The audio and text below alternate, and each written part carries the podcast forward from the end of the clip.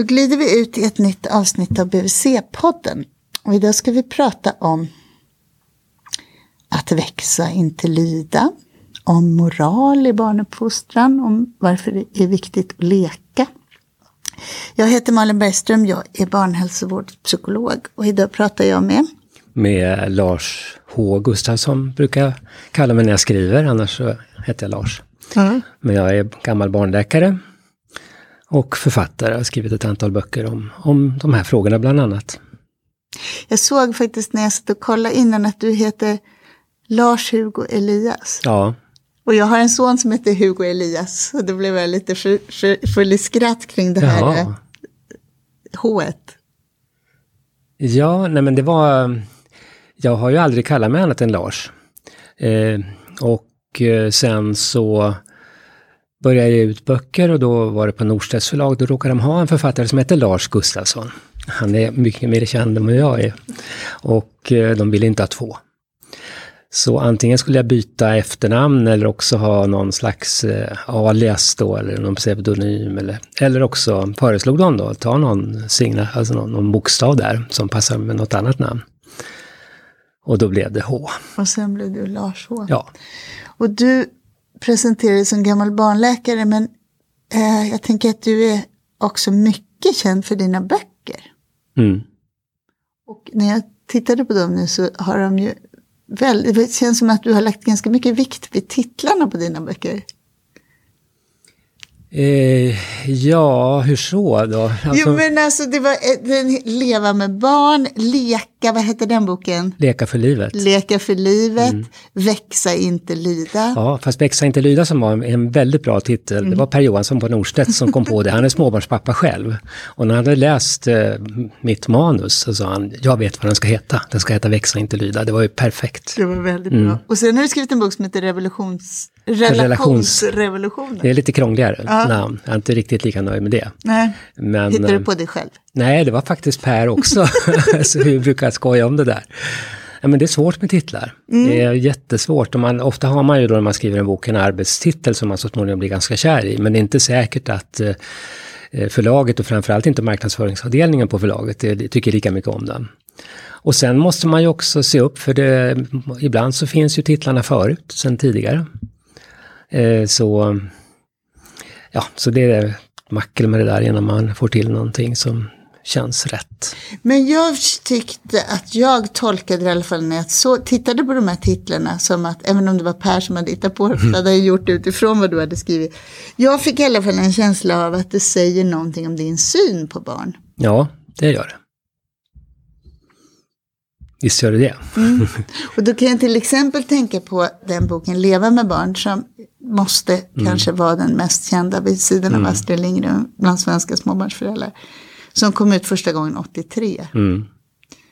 Och den titeln får man ju genom Barnavårdscentralen. Och jag tänker att det hade varit lätt att ha ett häfte som hette Gör så här eller Uppfostra ja, barn eller? Nej men det där är väl, och det är väl en slags filosofi som jag har haft mycket länge, i alla fall sedan den tiden, att, eh, att vad det handlar om, föräldraskap, det, det är en relation mellan mig och en annan människa, i det här fallet ett barn. Och jag har ju skrivit en annan bok som heter Upptäcka livet. Och det är också lite grann samma, det här att vi lever tillsammans, har ett antal år tillsammans och eh, vi växer och utvecklas tillsammans och lär av varandra hela tiden. Ehm, och det är relationen, i relationen, inom ramen för den som allting händer. Ehm, och den här också synen som innebär att ehm, som vuxen så lär jag mig egentligen hela tiden lika mycket av, av mitt barn som barnet lär av mig. Det är en spännande upptäcktsresa vi gör tillsammans, försöka bli lite klokare på vad det här märkliga livet egentligen innehåller. Och det är ju en väldigt, alltså det är ju en väldigt positiv hållning till föräldraskapet, men jag tänker många upplever det ändå som tungt. Med, alltså som folk säger mycket så här, man måste sätta någon annan före sig själv. Och... Mm. Hur tänker du kring det då? Ja, men jag tänker på, det, det där gäller ju all, alla nära relationer. Att man om det ska bli någonting av en nära relation så måste man eh, ibland sätta den andra före sig själv. Eh, och se varandra och eh, växa och leva i den här relationen tillsammans. Jag tycker det är egentligen är ganska likt eh, föräldrar-barn-relationen mellan en relation mellan två vuxna. Och det där är någonting grundläggande hos människor att vi vill ha den där närheten, att vi behöver den. Ja, jag tror det. Jag blir till i, genom dig. Alltså, jag, jag är ju rätt påverkad av Martin Buber och hans jag-du-tänkande, alltså den filosofiska traditionen där, där allting som är viktigt sker i mellanrummet mellan oss. Mellan dig och mig när vi sitter här och eh, i, en, i alla relationer. Att det skapas inte någonting där mellan oss, då, då händer ingenting. Och i mig själv är jag egentligen ingenting. Där kan jag tycka att vi som håller på, vi som är psykologer har fokus på utvecklingspsykologi. Det där är vårt mantra också. Att man i en behandling inte kan se på barnet separat eller föräldern separat. Utan att det är mellanrummet som mm. också kan vara en patient faktiskt. När det inte blir så bra. Det är kanske är det ja. vi behöver prata om. Ja, och också, det innebär ju också att alla sådana här relationer är på sitt sätt unika. Det, och det är också en sån där... Alltså att jag tänker så när jag... Nu ger jag inte så mycket råd längre, jag ska säga att jag har glömt hur man gör när, när jag får frågor. Um, men um, det har liksom varit någon slags um, idé jag har haft uh, i rådgivningssituationer att att eh, jag vet aldrig när jag går in i en sån var vi kommer att hamna, därför att det är så olika. Och eh, varje situation är så unik. Så att det, och det innebär också att eh, färdiga modeller eller färdiga metoder, manualer, misstror jag egentligen. Man kan, vi kan ha dem med oss i våra professioner som läkare eller psykologer. Vi måste ha vissa Eh, ska säga, fyrkantiga instrument i bakgrunden som vi har utvärderat och prövat och evidensbaserade och sådär. Men när vi sen sitter där med, med ett barn eller med en förälder så, så är det lika mycket undantag hela tiden som på något sätt eh, som gör att man, vi har det där med oss någonstans i bakhuvudet men det får inte dominera. Tror du att det kan vara en förklaring till att BVC är en verksamhet som når alla småbarnsfamiljer? Jag brukar tänka det när ja. vi jobbar med, vi ska ju jobba med metodutveckling och jag tänker alltid det att det är ju ändå en sjuksköterska som förmår skapa en relation mm. till en familj. Det är det som är hela den här klon i verksamheten. Ja, så är det. Och jag vet eh, när, genom att jag skriver den här boken Leva med barn, jag har fått, jag vet inte hur mycket brev från föräldrar, får du säkert också. Men där finns också, jag har fått alldeles för många brev som gör mig ledsen därför att det, man är besviken på BVC då. Och då är det ju ofta just över att man tycker man har blivit lite kantigt bemött eller man kommer till exempel och vill ha hjälp därför att barnet inte sover och så får man en, en broschyr mm.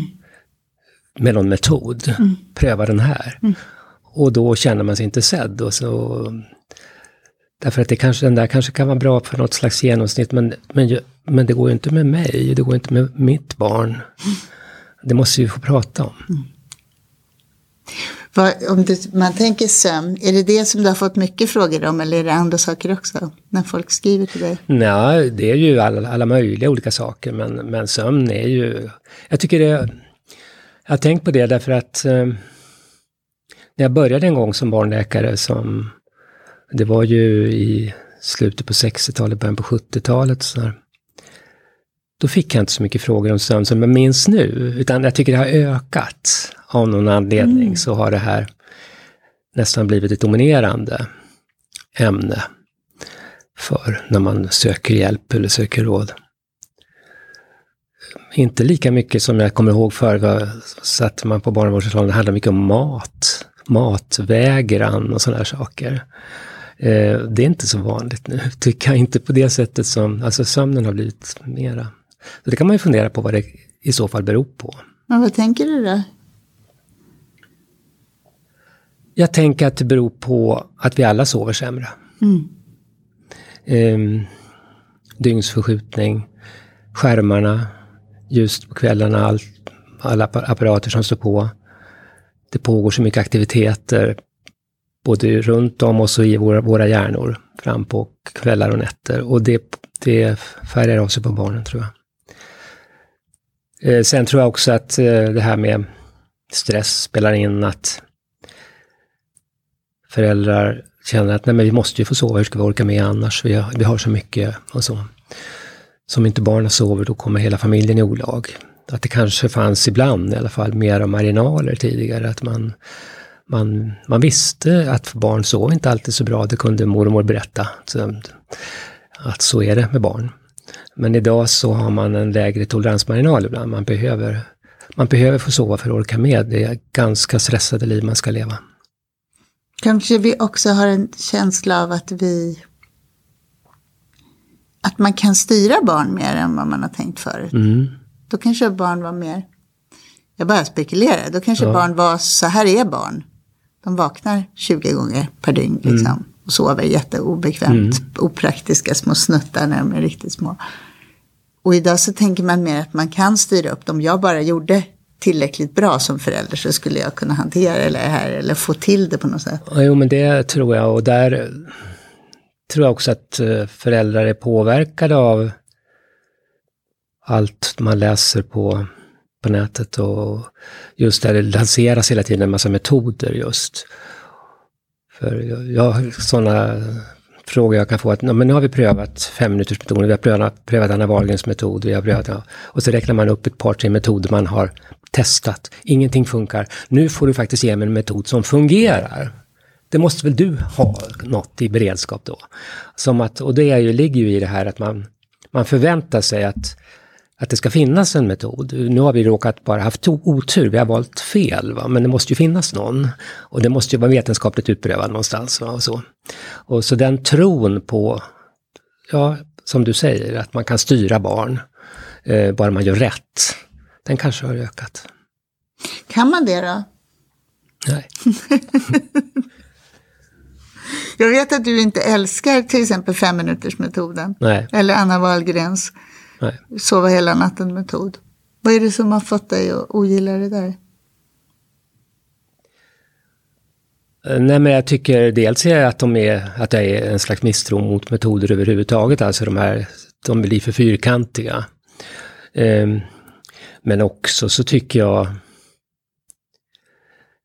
de stry, alltså, när föräldrar upplever att ja, men, så här kan man bara inte göra, alltså, jag bara mår dåligt själv av att höra honom skrika på det här sättet, det kan ju inte vara bra för någon. Och jag lider. Och, och, och då, jag har någon slags ändå tilltro till någon slags eh, föräldrainstinkt, om man får kalla det för det, någon slags, om man som förälder känner att det här blir fel, det är i alla fall fel för oss. Då måste man lita på det. Och att då ska, vem är jag då som sitter och liksom dömer i en sån fråga och säger nej men bara fortsätt, var konsekvent nu ska du se. Det, jag klarar inte av det. Nej, men du klarar inte av det, men kan du Nej. tänka att det skulle kunna vara bra för andra, eller? Nej men det kan, alltså jag tror att det, det kan ju vara sådär att om man är i en situation som för att man håller på att gå under. Alltså det finns nöd, nödlägen när man ibland måste eh, kanske vara konsekvent och, och göra någonting som gör ont och som känns så besvärligt. Men det, vi måste till slut eh, bryta det här. Det finns sådana såna nödlägen. Ehm, precis som jag är som läkare är van, det finns lägen när man måste medicinera eller operera eller så. Men när man börjar använda det som någon slags ehm, eh, rutinmetod, alltså så fort ett barn inte sover så tror man att man ska kunna... Därför det är trots allt, jag brukar tänka så här, att, eh, men det är för att jag är eh, läkare också då, att alla metoder har sina verkningar och sina biverkningar. Alla läkemedel jag skriver ut har biverkningar. Alla psykologiska metoder har sina biverkningar. Och ibland måste man ta dem i ett speciellt läge, men då ska man, man ska vara medveten om dem då. Och man ska ha resonerat om dem och övervägt det noga. Och, och det tycker jag man slarvar med ibland. Vad kan man tänka sig att det är för biverkningar ur barnets perspektiv när man använder femminutersmetoden? Jag kan bara lägga in femminutersmetoden, alltså det innebär då att man förut få barn att somna och somna om själva så får man inte gå in till dem och krama dem och ta, trösta dem utan de ska, alltså tröst, de ska trötta ut sig och märka att det är ingen idé att skrika så nu mm. håller jag truten och somnar om på egen hand mm. när jag vaknar till.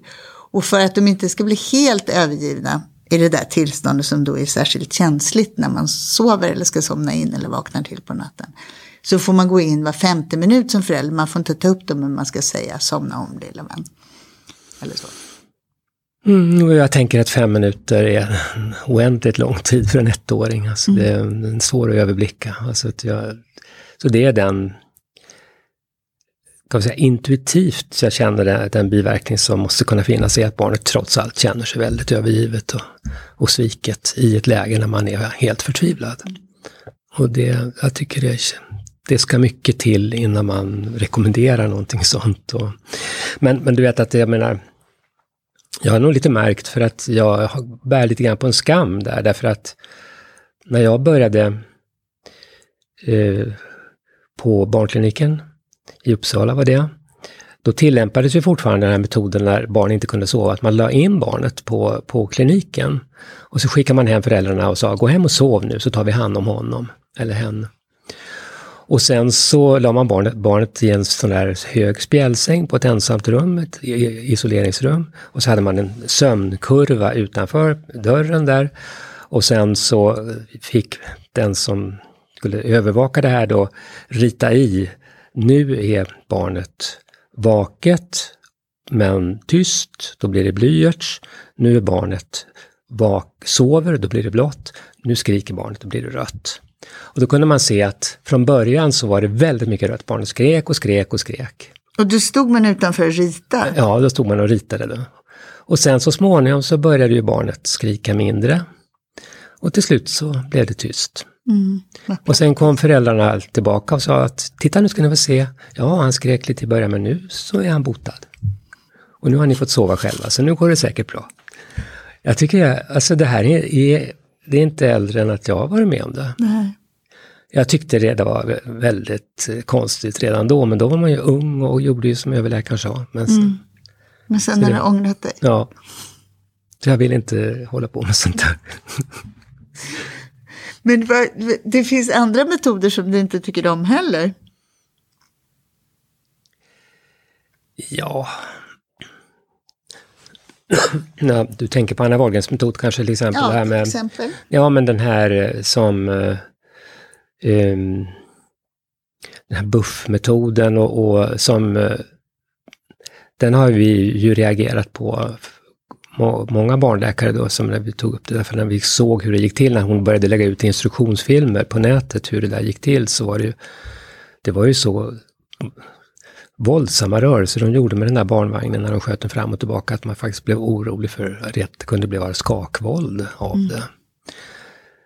Um, plus det här att de då skulle sova på, på magen fortfarande, som ju ändå är så. Det har jag också varit med. Jag tycker det har ju en sån där fördel när man har varit med länge, att jag har ju också varit med och rekommenderat magläge.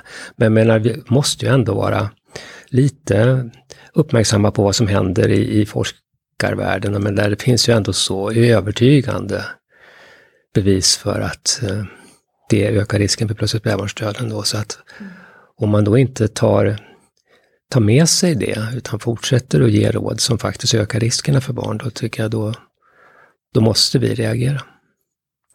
Är det inte så också med sömn att man har hamnat traditionellt sett, nu tycker jag ändå att det där var några år sedan, men traditionellt sett så har man hamnat i någon så antingen eller-läge. Att antingen så är man slapp och barnet får ah, vakna på nätterna och ligga och amma här bredvid. Då. Eller mm. så är det liksom som att enda alternativet är det här jättesträng att den ska ligga och gråta ensam. Jag tänker egentligen när man styr upp sömn så kanske det bästa är att man är väldigt hittar någon metod eller något sätt som är lite mjukt. Mm. Och så styr det där upp sig lite successivt och lite, lite långsamt liksom. Som, men det, det är som att det har Mm. funnits en syn på att det, det, det finns bara antingen eller, svart Mm. eller vitt. Jo, och som du beskriver det nu, så är det väl så de flesta föräldrar gör, tror jag, rent om de bara får gå på sin egen magkänsla och så. Att det, det handlar igen, tror jag, det här om, om relation, att eh, om jag, om jag har en, en anknytning till mitt barn som fungerar och en sån relation där jag känner att ja, men, jag känner henne bäst av alla och jag vet var gränserna går, jag vet vad jag kan göra och jag vet hur mycket gränser jag kan sätta i det här läget. Och jag vet också att dagsformen varierar både hos barnet och hos mig och jag måste anpassa mig också till det lite grann. Eh, Så jag får känna mig fram och då blir det oftast, precis som du beskriver, och det blir ofta bra.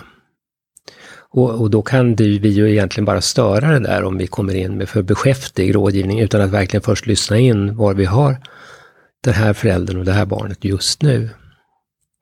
Så någonstans i det du säger handlar det också om någon tillit till att dels ett barn utvecklas och växer. Mm. Det är väldigt få tonåringar som sover i sina föräldrars sängar. Av någon jäkla anledning så går det där över. Det brukar bli så, ja.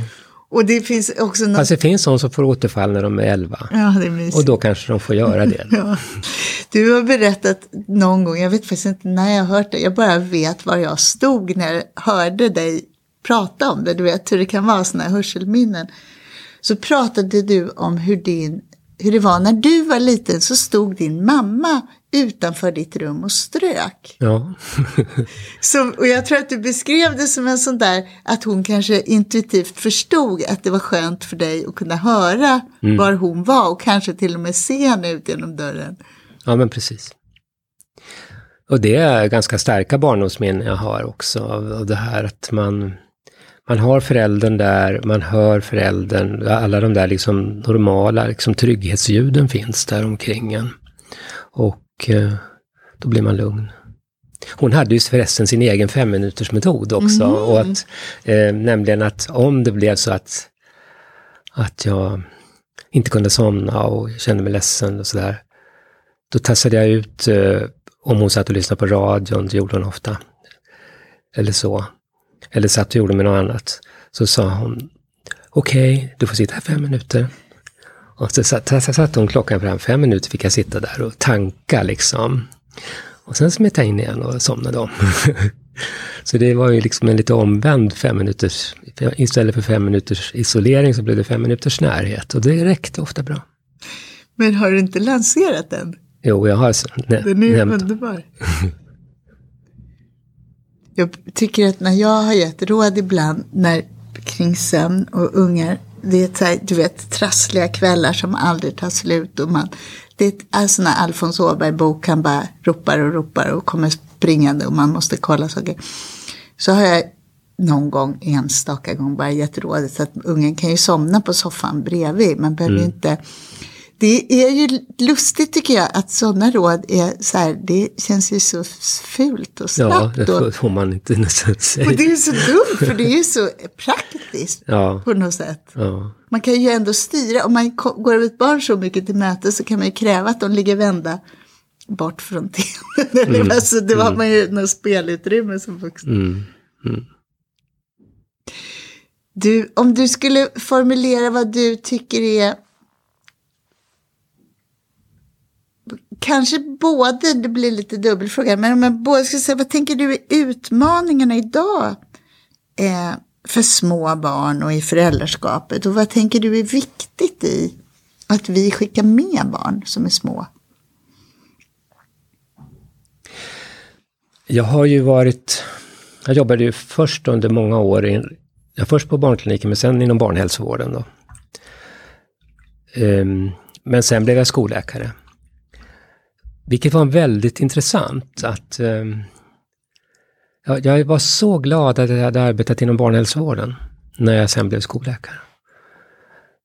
För då förstod jag plötsligt en del saker som jag kanske inte hade sett lika tydligt förut.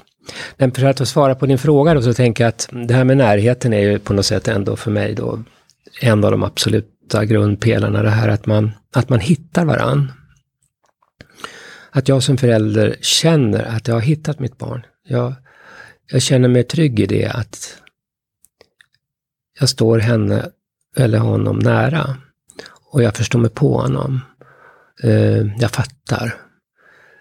Jag behöver inte ha varit likadan själv när jag var barn, men jag fattar ändå.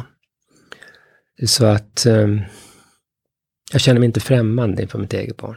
Och det där sen tycker jag blir så tydligt sen just uppe i skolan när, när, när de... Alltså jag blir alltid lite bekymrad när, när föräldrar kommer och säger att ja, förut så tyckte jag väl ändå jag förstod, men nu, jag förstår mig inte på honom längre. Alltså han, han är som en annan människa och han, jag, jag fattar ingenting och jag kan liksom inte begripa. Det är som jag för, har förlorat honom. Och då blir jag bekymrad när man liksom känner att den där grundtilliten man hade med från början, den räcker inte riktigt utan den var lite för tunn och man känner att man håller på att tappa bort någon. Och då är det dags att, att börja jobba. Um, så den, den där... Eh, och det vet jag också, jag har pratat med så många tonåringar också, den där känslan av när man när man liksom känner att föräldern fattar inte, förstår inte, förstår mig inte alls eh, den är tung för en 11-12-åring att känna, bära det där att man också barnet förlorar liksom sin förälder där på något vis. Så, och det, jag, jag är ju för min del övertygad om, visst kan det kan hända mycket under ett liv, men jag är övertygad om att ändå den här grundläggs under de här första åren. Så kan man få till det där, um, så tror jag det är ju...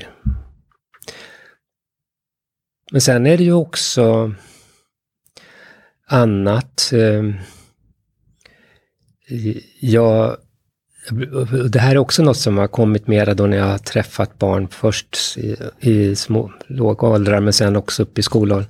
Det här att barn har föräldrar som står för något. Som de kan vara lite stolta över, i alla fall respektera. Det är inte säkert jag tycker som dem.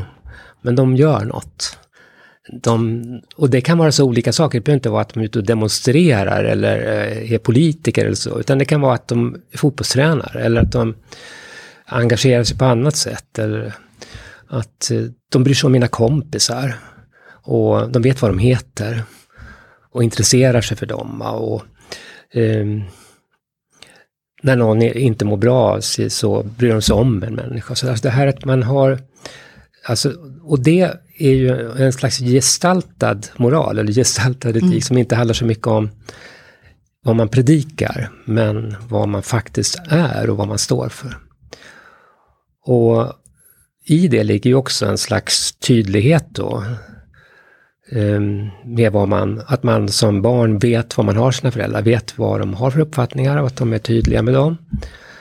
Eh, de behöver inte tvinga mig alltid att göra som dem eller tycka som dem, men, men jag, vet vad, jag vet vad jag har dem.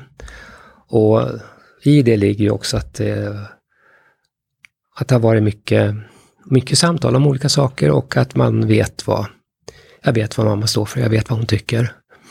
Och ibland tycker jag hon är helt knäpp, men jag, jag förstår ju varför hon säger som hon gör och sådär. eh, så den tydligheten, att man blir en slags tydlig figur, tydlig gestalt.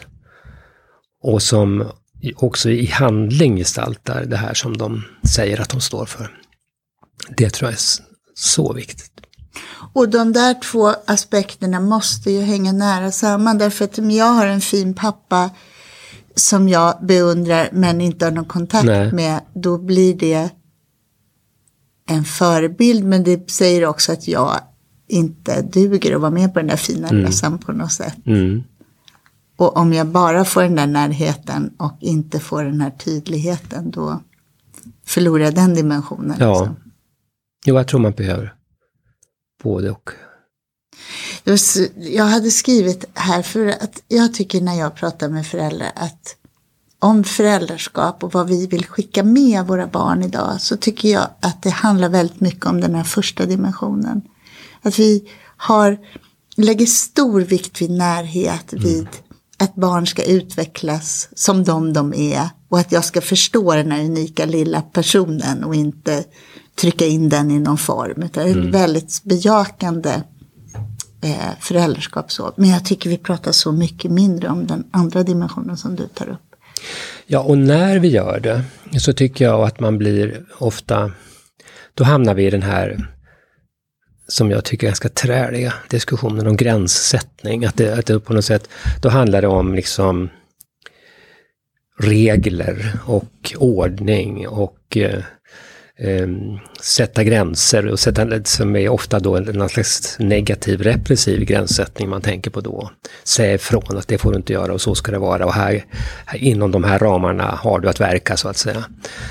Den, eh, den diskussionen kom igång på 90-talet och sen kom Supernanny-idéerna här också om, om med de här bestraffningsmetoderna då när barnet inte gjorde som man skulle. Och, så hela det här belöningsbestraffningssystemet har jag ju känt. Jag, har, jag, jag är inte så hemma i det. Det är inte riktigt mitt sätt att tänka och fungera.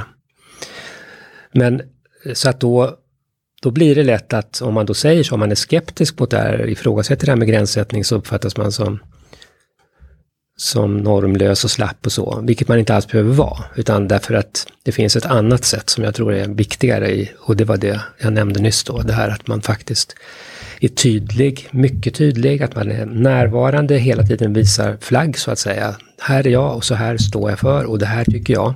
Och du ska alltid veta vad du har mig. Och, eh, och att man då lever upp till det också. Det tror jag är mycket kraft, mera kraftfullt sätt att närma sig de här moralfrågorna. Då. Och det, jag vet att du gav ett konkret exempel som stannade kvar i mig eh, någon gång som handlade om, jag vet inte hur du formulerar men i mitt huvud blev det så här att något av det viktigaste vi kan tänka på som föräldrar det är vad vi gör om vi är ute på stan med en liten fyraåring i handen och ser en tiggare som sitter utanför en butik. Mm. Hur, alltså dels har vi den här grejen, ska vi ge pengar, ska barnen få ge en peng eller inte? Det är en sak vi måste ta ställning till. Men en överordnat det är att jag pratar om det här som jag ser med barnet. Mm. Vad, hur kan det vara så här? Att här går vi med kläder och vi har råd att köpa mat. Och, och där sitter hon eller han. Så. Ja, för att barnet, eh, man glömmer ju att fyraåringen är ju i ögonhöjd med den som sitter. Vilket är, vi kan liksom vara ovanför den här verkligheten, men det kan inte de. Så för dem blir det så, så konkret och så tydligt. Här sitter en människa som är i min ögonhöjd och som min pappa eller mamma inte de bryr sig inte om. För det tror jag är så, de förstår ganska snart att det här är en, en person som inte har det så lätt och som behöver hjälp. Eh, och då tror jag att det blir väldigt förvirrande om, om de vuxna bara låtsas som de inte ser. Sen hur man gör, det, det tror jag barn kan mycket väl ganska tidigt förstå att man gör på lite olika sätt. Och nu har vi ofta inte så mycket mynt med oss. så det förenklar jag på att säga för den vuxna då att man kan skylla på det. Men, men om man sen då väljer att, eh, att ge en krona till till barnet. Barnet får lägga i den, För, för en del barn känns det väldigt naturligt, de gör det väldigt gärna. Andra barn gör inte det, men de ser då att föräldrarna gör det. Ja, då har man ändå liksom gestaltat någonting, man har gjort någonting, man har visat och man har sett den här personen och man har hjälpt och sen kan det då vara en eh, väldigt liten sak man gör, men ändå. Men man kan ju också säga att jag tror inte på det här då. Jag tror att det här är det här är inte rätt sätt att göra det på, men det kan också barn förstå ganska snart, att de här måste vi hjälpa på annat sätt. Ehm, men vad man alltid kan göra är faktiskt att hälsa, tycker jag. Och särskilt på de som, utanför min Konsumbutik så sitter precis samma man. Han har suttit här nu i säkert två år. Och han blir ju som en bekant för oss alla, att då gå förbi honom. Där finns det lite andra saker som har hänt vid, vid den Konsumbutiken så har det nu blivit så att det anses inte riktigt schysst att gå förbi honom med tomburkar. Utan han får liksom Klostergårdens alla tomburkar av, av, bara farten när folk kommer. Och så då, så det, det, det är en, och det kan man, man kan diskutera, är det rätt eller är det fel? Man kan ha olika synpunkter på det, men man kan prata med barnen om det. Bara de förstår och att de märker att min, min, min förälder bryr sig. De ser och de bryr sig och de förstår att jag ser.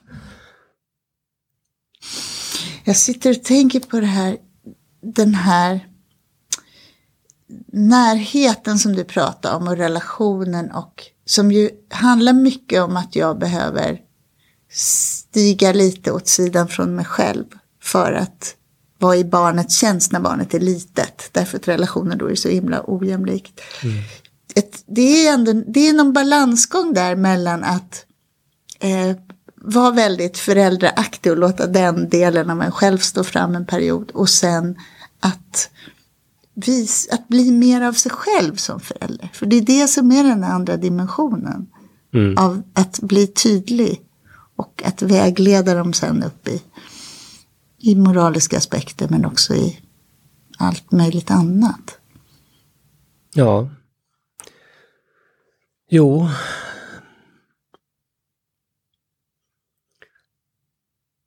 Så kan man ju säkert uttrycka det. Och um, därför är det klart att, eh, menar, det, du har ju rätt i det att um, det, man kan ju inte liksom vi har ju en uppgift som förälder, vi har ju en roll att, uh, som ändå vi har mera livserfarenhet, vi har levt här betydligt längre än våra, våra barn har gjort.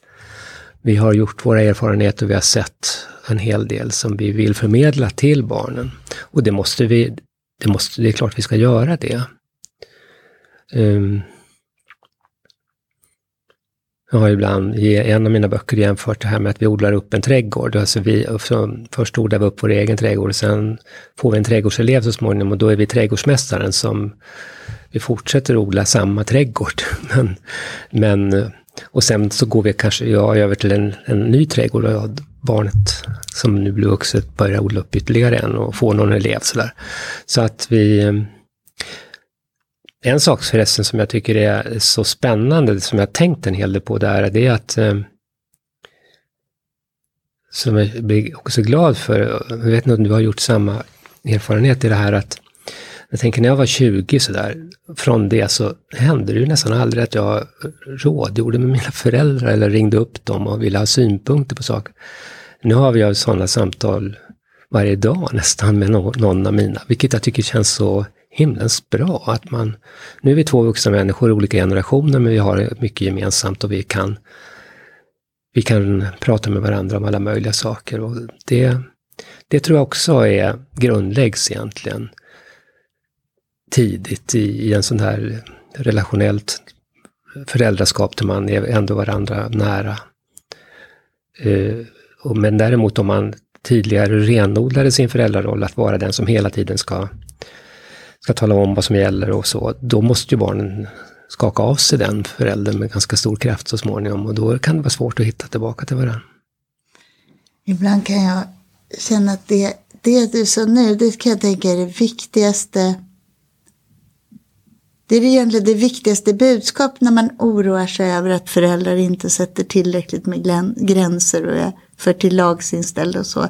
Att vi också måste lyfta upp den här dimensionen av vad som faktiskt händer. Hur de här relationerna blir och vilka människor man faktiskt är med och odlar som förälder. Mm. När man har en mindre sån där auktoritär mm. föräldrarstil som mm. bygger på regler och gränser. Mitt finaste exempel är en begravning som jag var på för några år sedan. Där jag satt själv och hamnade med den dödas barns kamrater i kyrkbänken och blev sådär jättetagen under någon låt. Och det bredvid mig sitter en kille som är kanske 15 som liksom både ger mig en servett och håller om mig där i kyrkbänken. Och jag bara tänkte, det här är, förstå att han mm. är 15-åring, ger den ömheten och har det självförtroendet och den kompetensen hos ja. en med, till en medelålders kvinna. Det är fan stort. Ja, det är det. Ja. Och det, det, är ju, det, måste, det är de barnen det blir. Mm, liksom, mm, de... mm.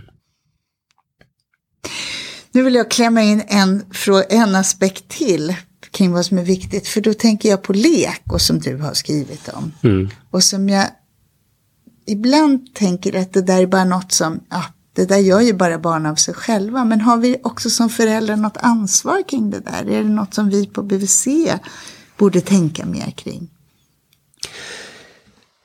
Ja, alltså jag tror att det är det, det här är en väldigt viktig del i barns utveckling, det här för att få leka och att få eh, både Ja, alltså leken är ju så, den består av så många olika delar och så, den är så viktig på många, så många olika sätt. Det här den nyfikenheten som ligger i leken, att man eh, får utveckla den och eh, intresset för sin omgivning och testa och pröva och alla sådana saker. Men också fantasileken, det här att kunna fantisera, bygga upp egna inre världar och eh, som vi vet ju har en sån avgörande betydelse för barns utveckling av empatisk förmåga och eh, så. Eh, och så den, den, lek som jag har slagits lite grann för, till exempel i min bok då, Leka för livet, det är den, det är den fria leken, den fantasileken, för det är den jag tror är mest hotad. Att, att vi eh, som föräldrar idag har ett slags, och kanske ibland också personal i förskolan, även om jag tycker att där har det hänt mycket positivt, men ändå ett behov av att kontrollera eh, vad barn gör. Och vi har liksom betonat det här med att de ska lära sig olika saker och att vi ska ha koll på saker och ting och att vi eh, också där, jag ska inte säga skam, men jag har ju disputerat en gång i tiden på 70-talet på en avhandling om barnolyckor. Och eh, så jag har varit mycket så här att göra checklistor, vad man måste kolla hemma, att det måste vara liksom säkert och så. Och det tycker jag fortfarande det ska vara i och för sig. Men det här, vi har ju sett att eh, det här att låta barn leka på egen hand, eh, till exempel ute, utom uteleken. Jag växte upp i skogen kan jag säga med mina syskon och mina kompisar och så fort man kom hem från skolan så var vi ute någonstans och mamma visste ju inte var vi var. Och vi hade alla möjliga saker för oss där.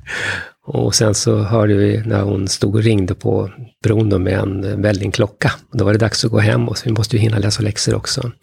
Men eh, just den där leken ute i naturen eller ute på gården eller tillsammans med andra barn utan att vuxna hela tiden leder, instruerar, visar och övervakar. Den tror jag är så viktig för barn och det finns en risk att den, att den begränsas för mycket idag. Hur kan vi komma åt det? Ja, det är svårt därför att um, framförallt i en, uh, all, i en urban miljö som innehåller så mycket farligheter och så mycket risker så är det självklart att man är på sin vakt som förälder. Jag tänker att um, det har sett jag har ju bott mycket på landet eh, och mina barn har växt upp i sådana miljöer, i Balsjö i Västerbottens inland till exempel. Det kunde inte hända så hemskt mycket. Och där kände ju hela byn till eh, våra barn. Så de kunde ju inte komma bort. Ehm, men jag tror att man i stan också eh, på många håll, man kan samarbeta, alltså det tror jag som föräldrar, att man, att man hjälps åt så att eh, håller koll också på de andras barn då, så att man har en sån övervakning. Alla föräldrar måste inte ha stenkoll just på sitt eget barn. Eh, och så vet jag att så där gör man ju på många håll också, när man har sådana överenskommelser där. Och det kan ge barn mera utrymme då. Men det beror också på hur verksamheterna utformas. Eh, även i en så att säga, strukturerad verksamhet som jag håller på en del med idrott, så kan man ju lägga in mycket mera spontanlek och, och eh, eh, sån. Och det gör man ju nu på många håll också. Man har ju förstått det, att man behöver få ha mer av det här fria lekmomentet också i de här ordnade aktiviteterna. Man måste också kanske öva sig på att släppa som, för att våga ta lite risker liksom, mm. och lita ja. på att de får... Ja, det suger i magen liksom, men man måste ändå våga ha någon tilltro till att det ska kunna hålla och funka och så. Ja, och, och, jag brukar tänka att det, det, ska vara, man ska kalkylera de riskerna och veta vilka risker som man då tar. För det gör man ju då, så när man släpper barn lösa, fria, så är det klart, att har man alltid risker. Men det är som när man bygger nu eh, har varit inblandad i lite sådana här projekt när man bygger de här mera moderna äventyrslekplatserna nu med höga reppyramider och sånt där. Att eh, det är klart de kan ramla där och bryta en arm, men de ska vara gjorda så konstruerade så att det blir just bara ett armbrott. Det blir ingen skallfraktur. Så att det går alltså att eh, bygga in risker, men man vet vilka risker man bygger in.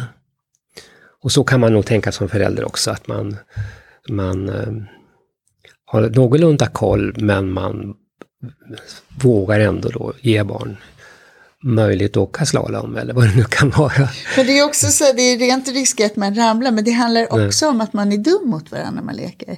För att mm. lek också innehåller ja. en massa maktstrukturer. Mm. Jag vill bestämma över dig och du måste vara hund jättelänge. Mm. Eller sitta längst bak i bussen. För att, och jag tycker att det där måste vi också, vi måste tillsammans så känna att men vi, det måste få skava innan det kan bli bra. Liksom. Barndomen måste vara, jag måste få vara lite dum mot dig just då, om vi är kompisar. För att det ingår på något mm. sätt i utvecklandet av relationer. Mm.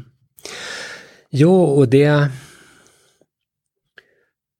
Jag brukar ofta citera en förskollärare som jag fick stort förtroende för som, som brukar säga så att konsten i mitt yrke som förskollärare, och hon använder just ordet konsten, det är att vara mycket närvarande men inte alltid ingripa. Och det här alltså att, och det så tänker jag, det kan gälla föräldraskap också, det här att man, man, man är där och man ser att de börjar bråka, till exempel. Men man håller i sig och ser därför att nu börjar den använda en slags konfliktlösningsstrategi som kanske inte är den jag hade förordat om jag nu ramlat in i den här och börjat tala om hur de skulle göra. Men den funkar ju. Titta, och nu är de vänner igen. Då har de lärt sig någonting. Så det här att vara där och förstå, men inte alltid ligga före liksom. Det tycker jag låter som att det får vara slutord för den här podden. Tack Lars H. Gustafsson. Tack. Tack. Så glider vi ut i det här avsnittet. Mm.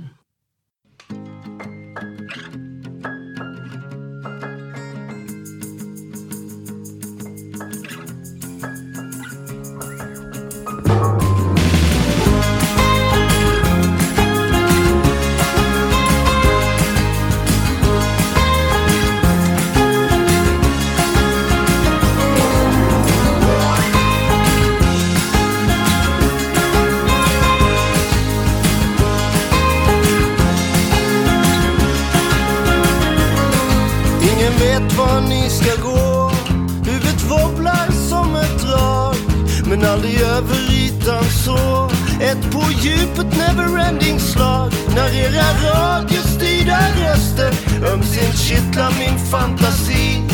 Flipper spelas under impulserna för mitt självbedrägeri. När ni skjuter ut er i natten finns det inget av mig kvar. Alla döda ögonskratten, bara vakten minns vem som var. När ni cementerar kvällen är det utan min frenesi. Den insomnade eternellen vaknar aldrig mer till liv.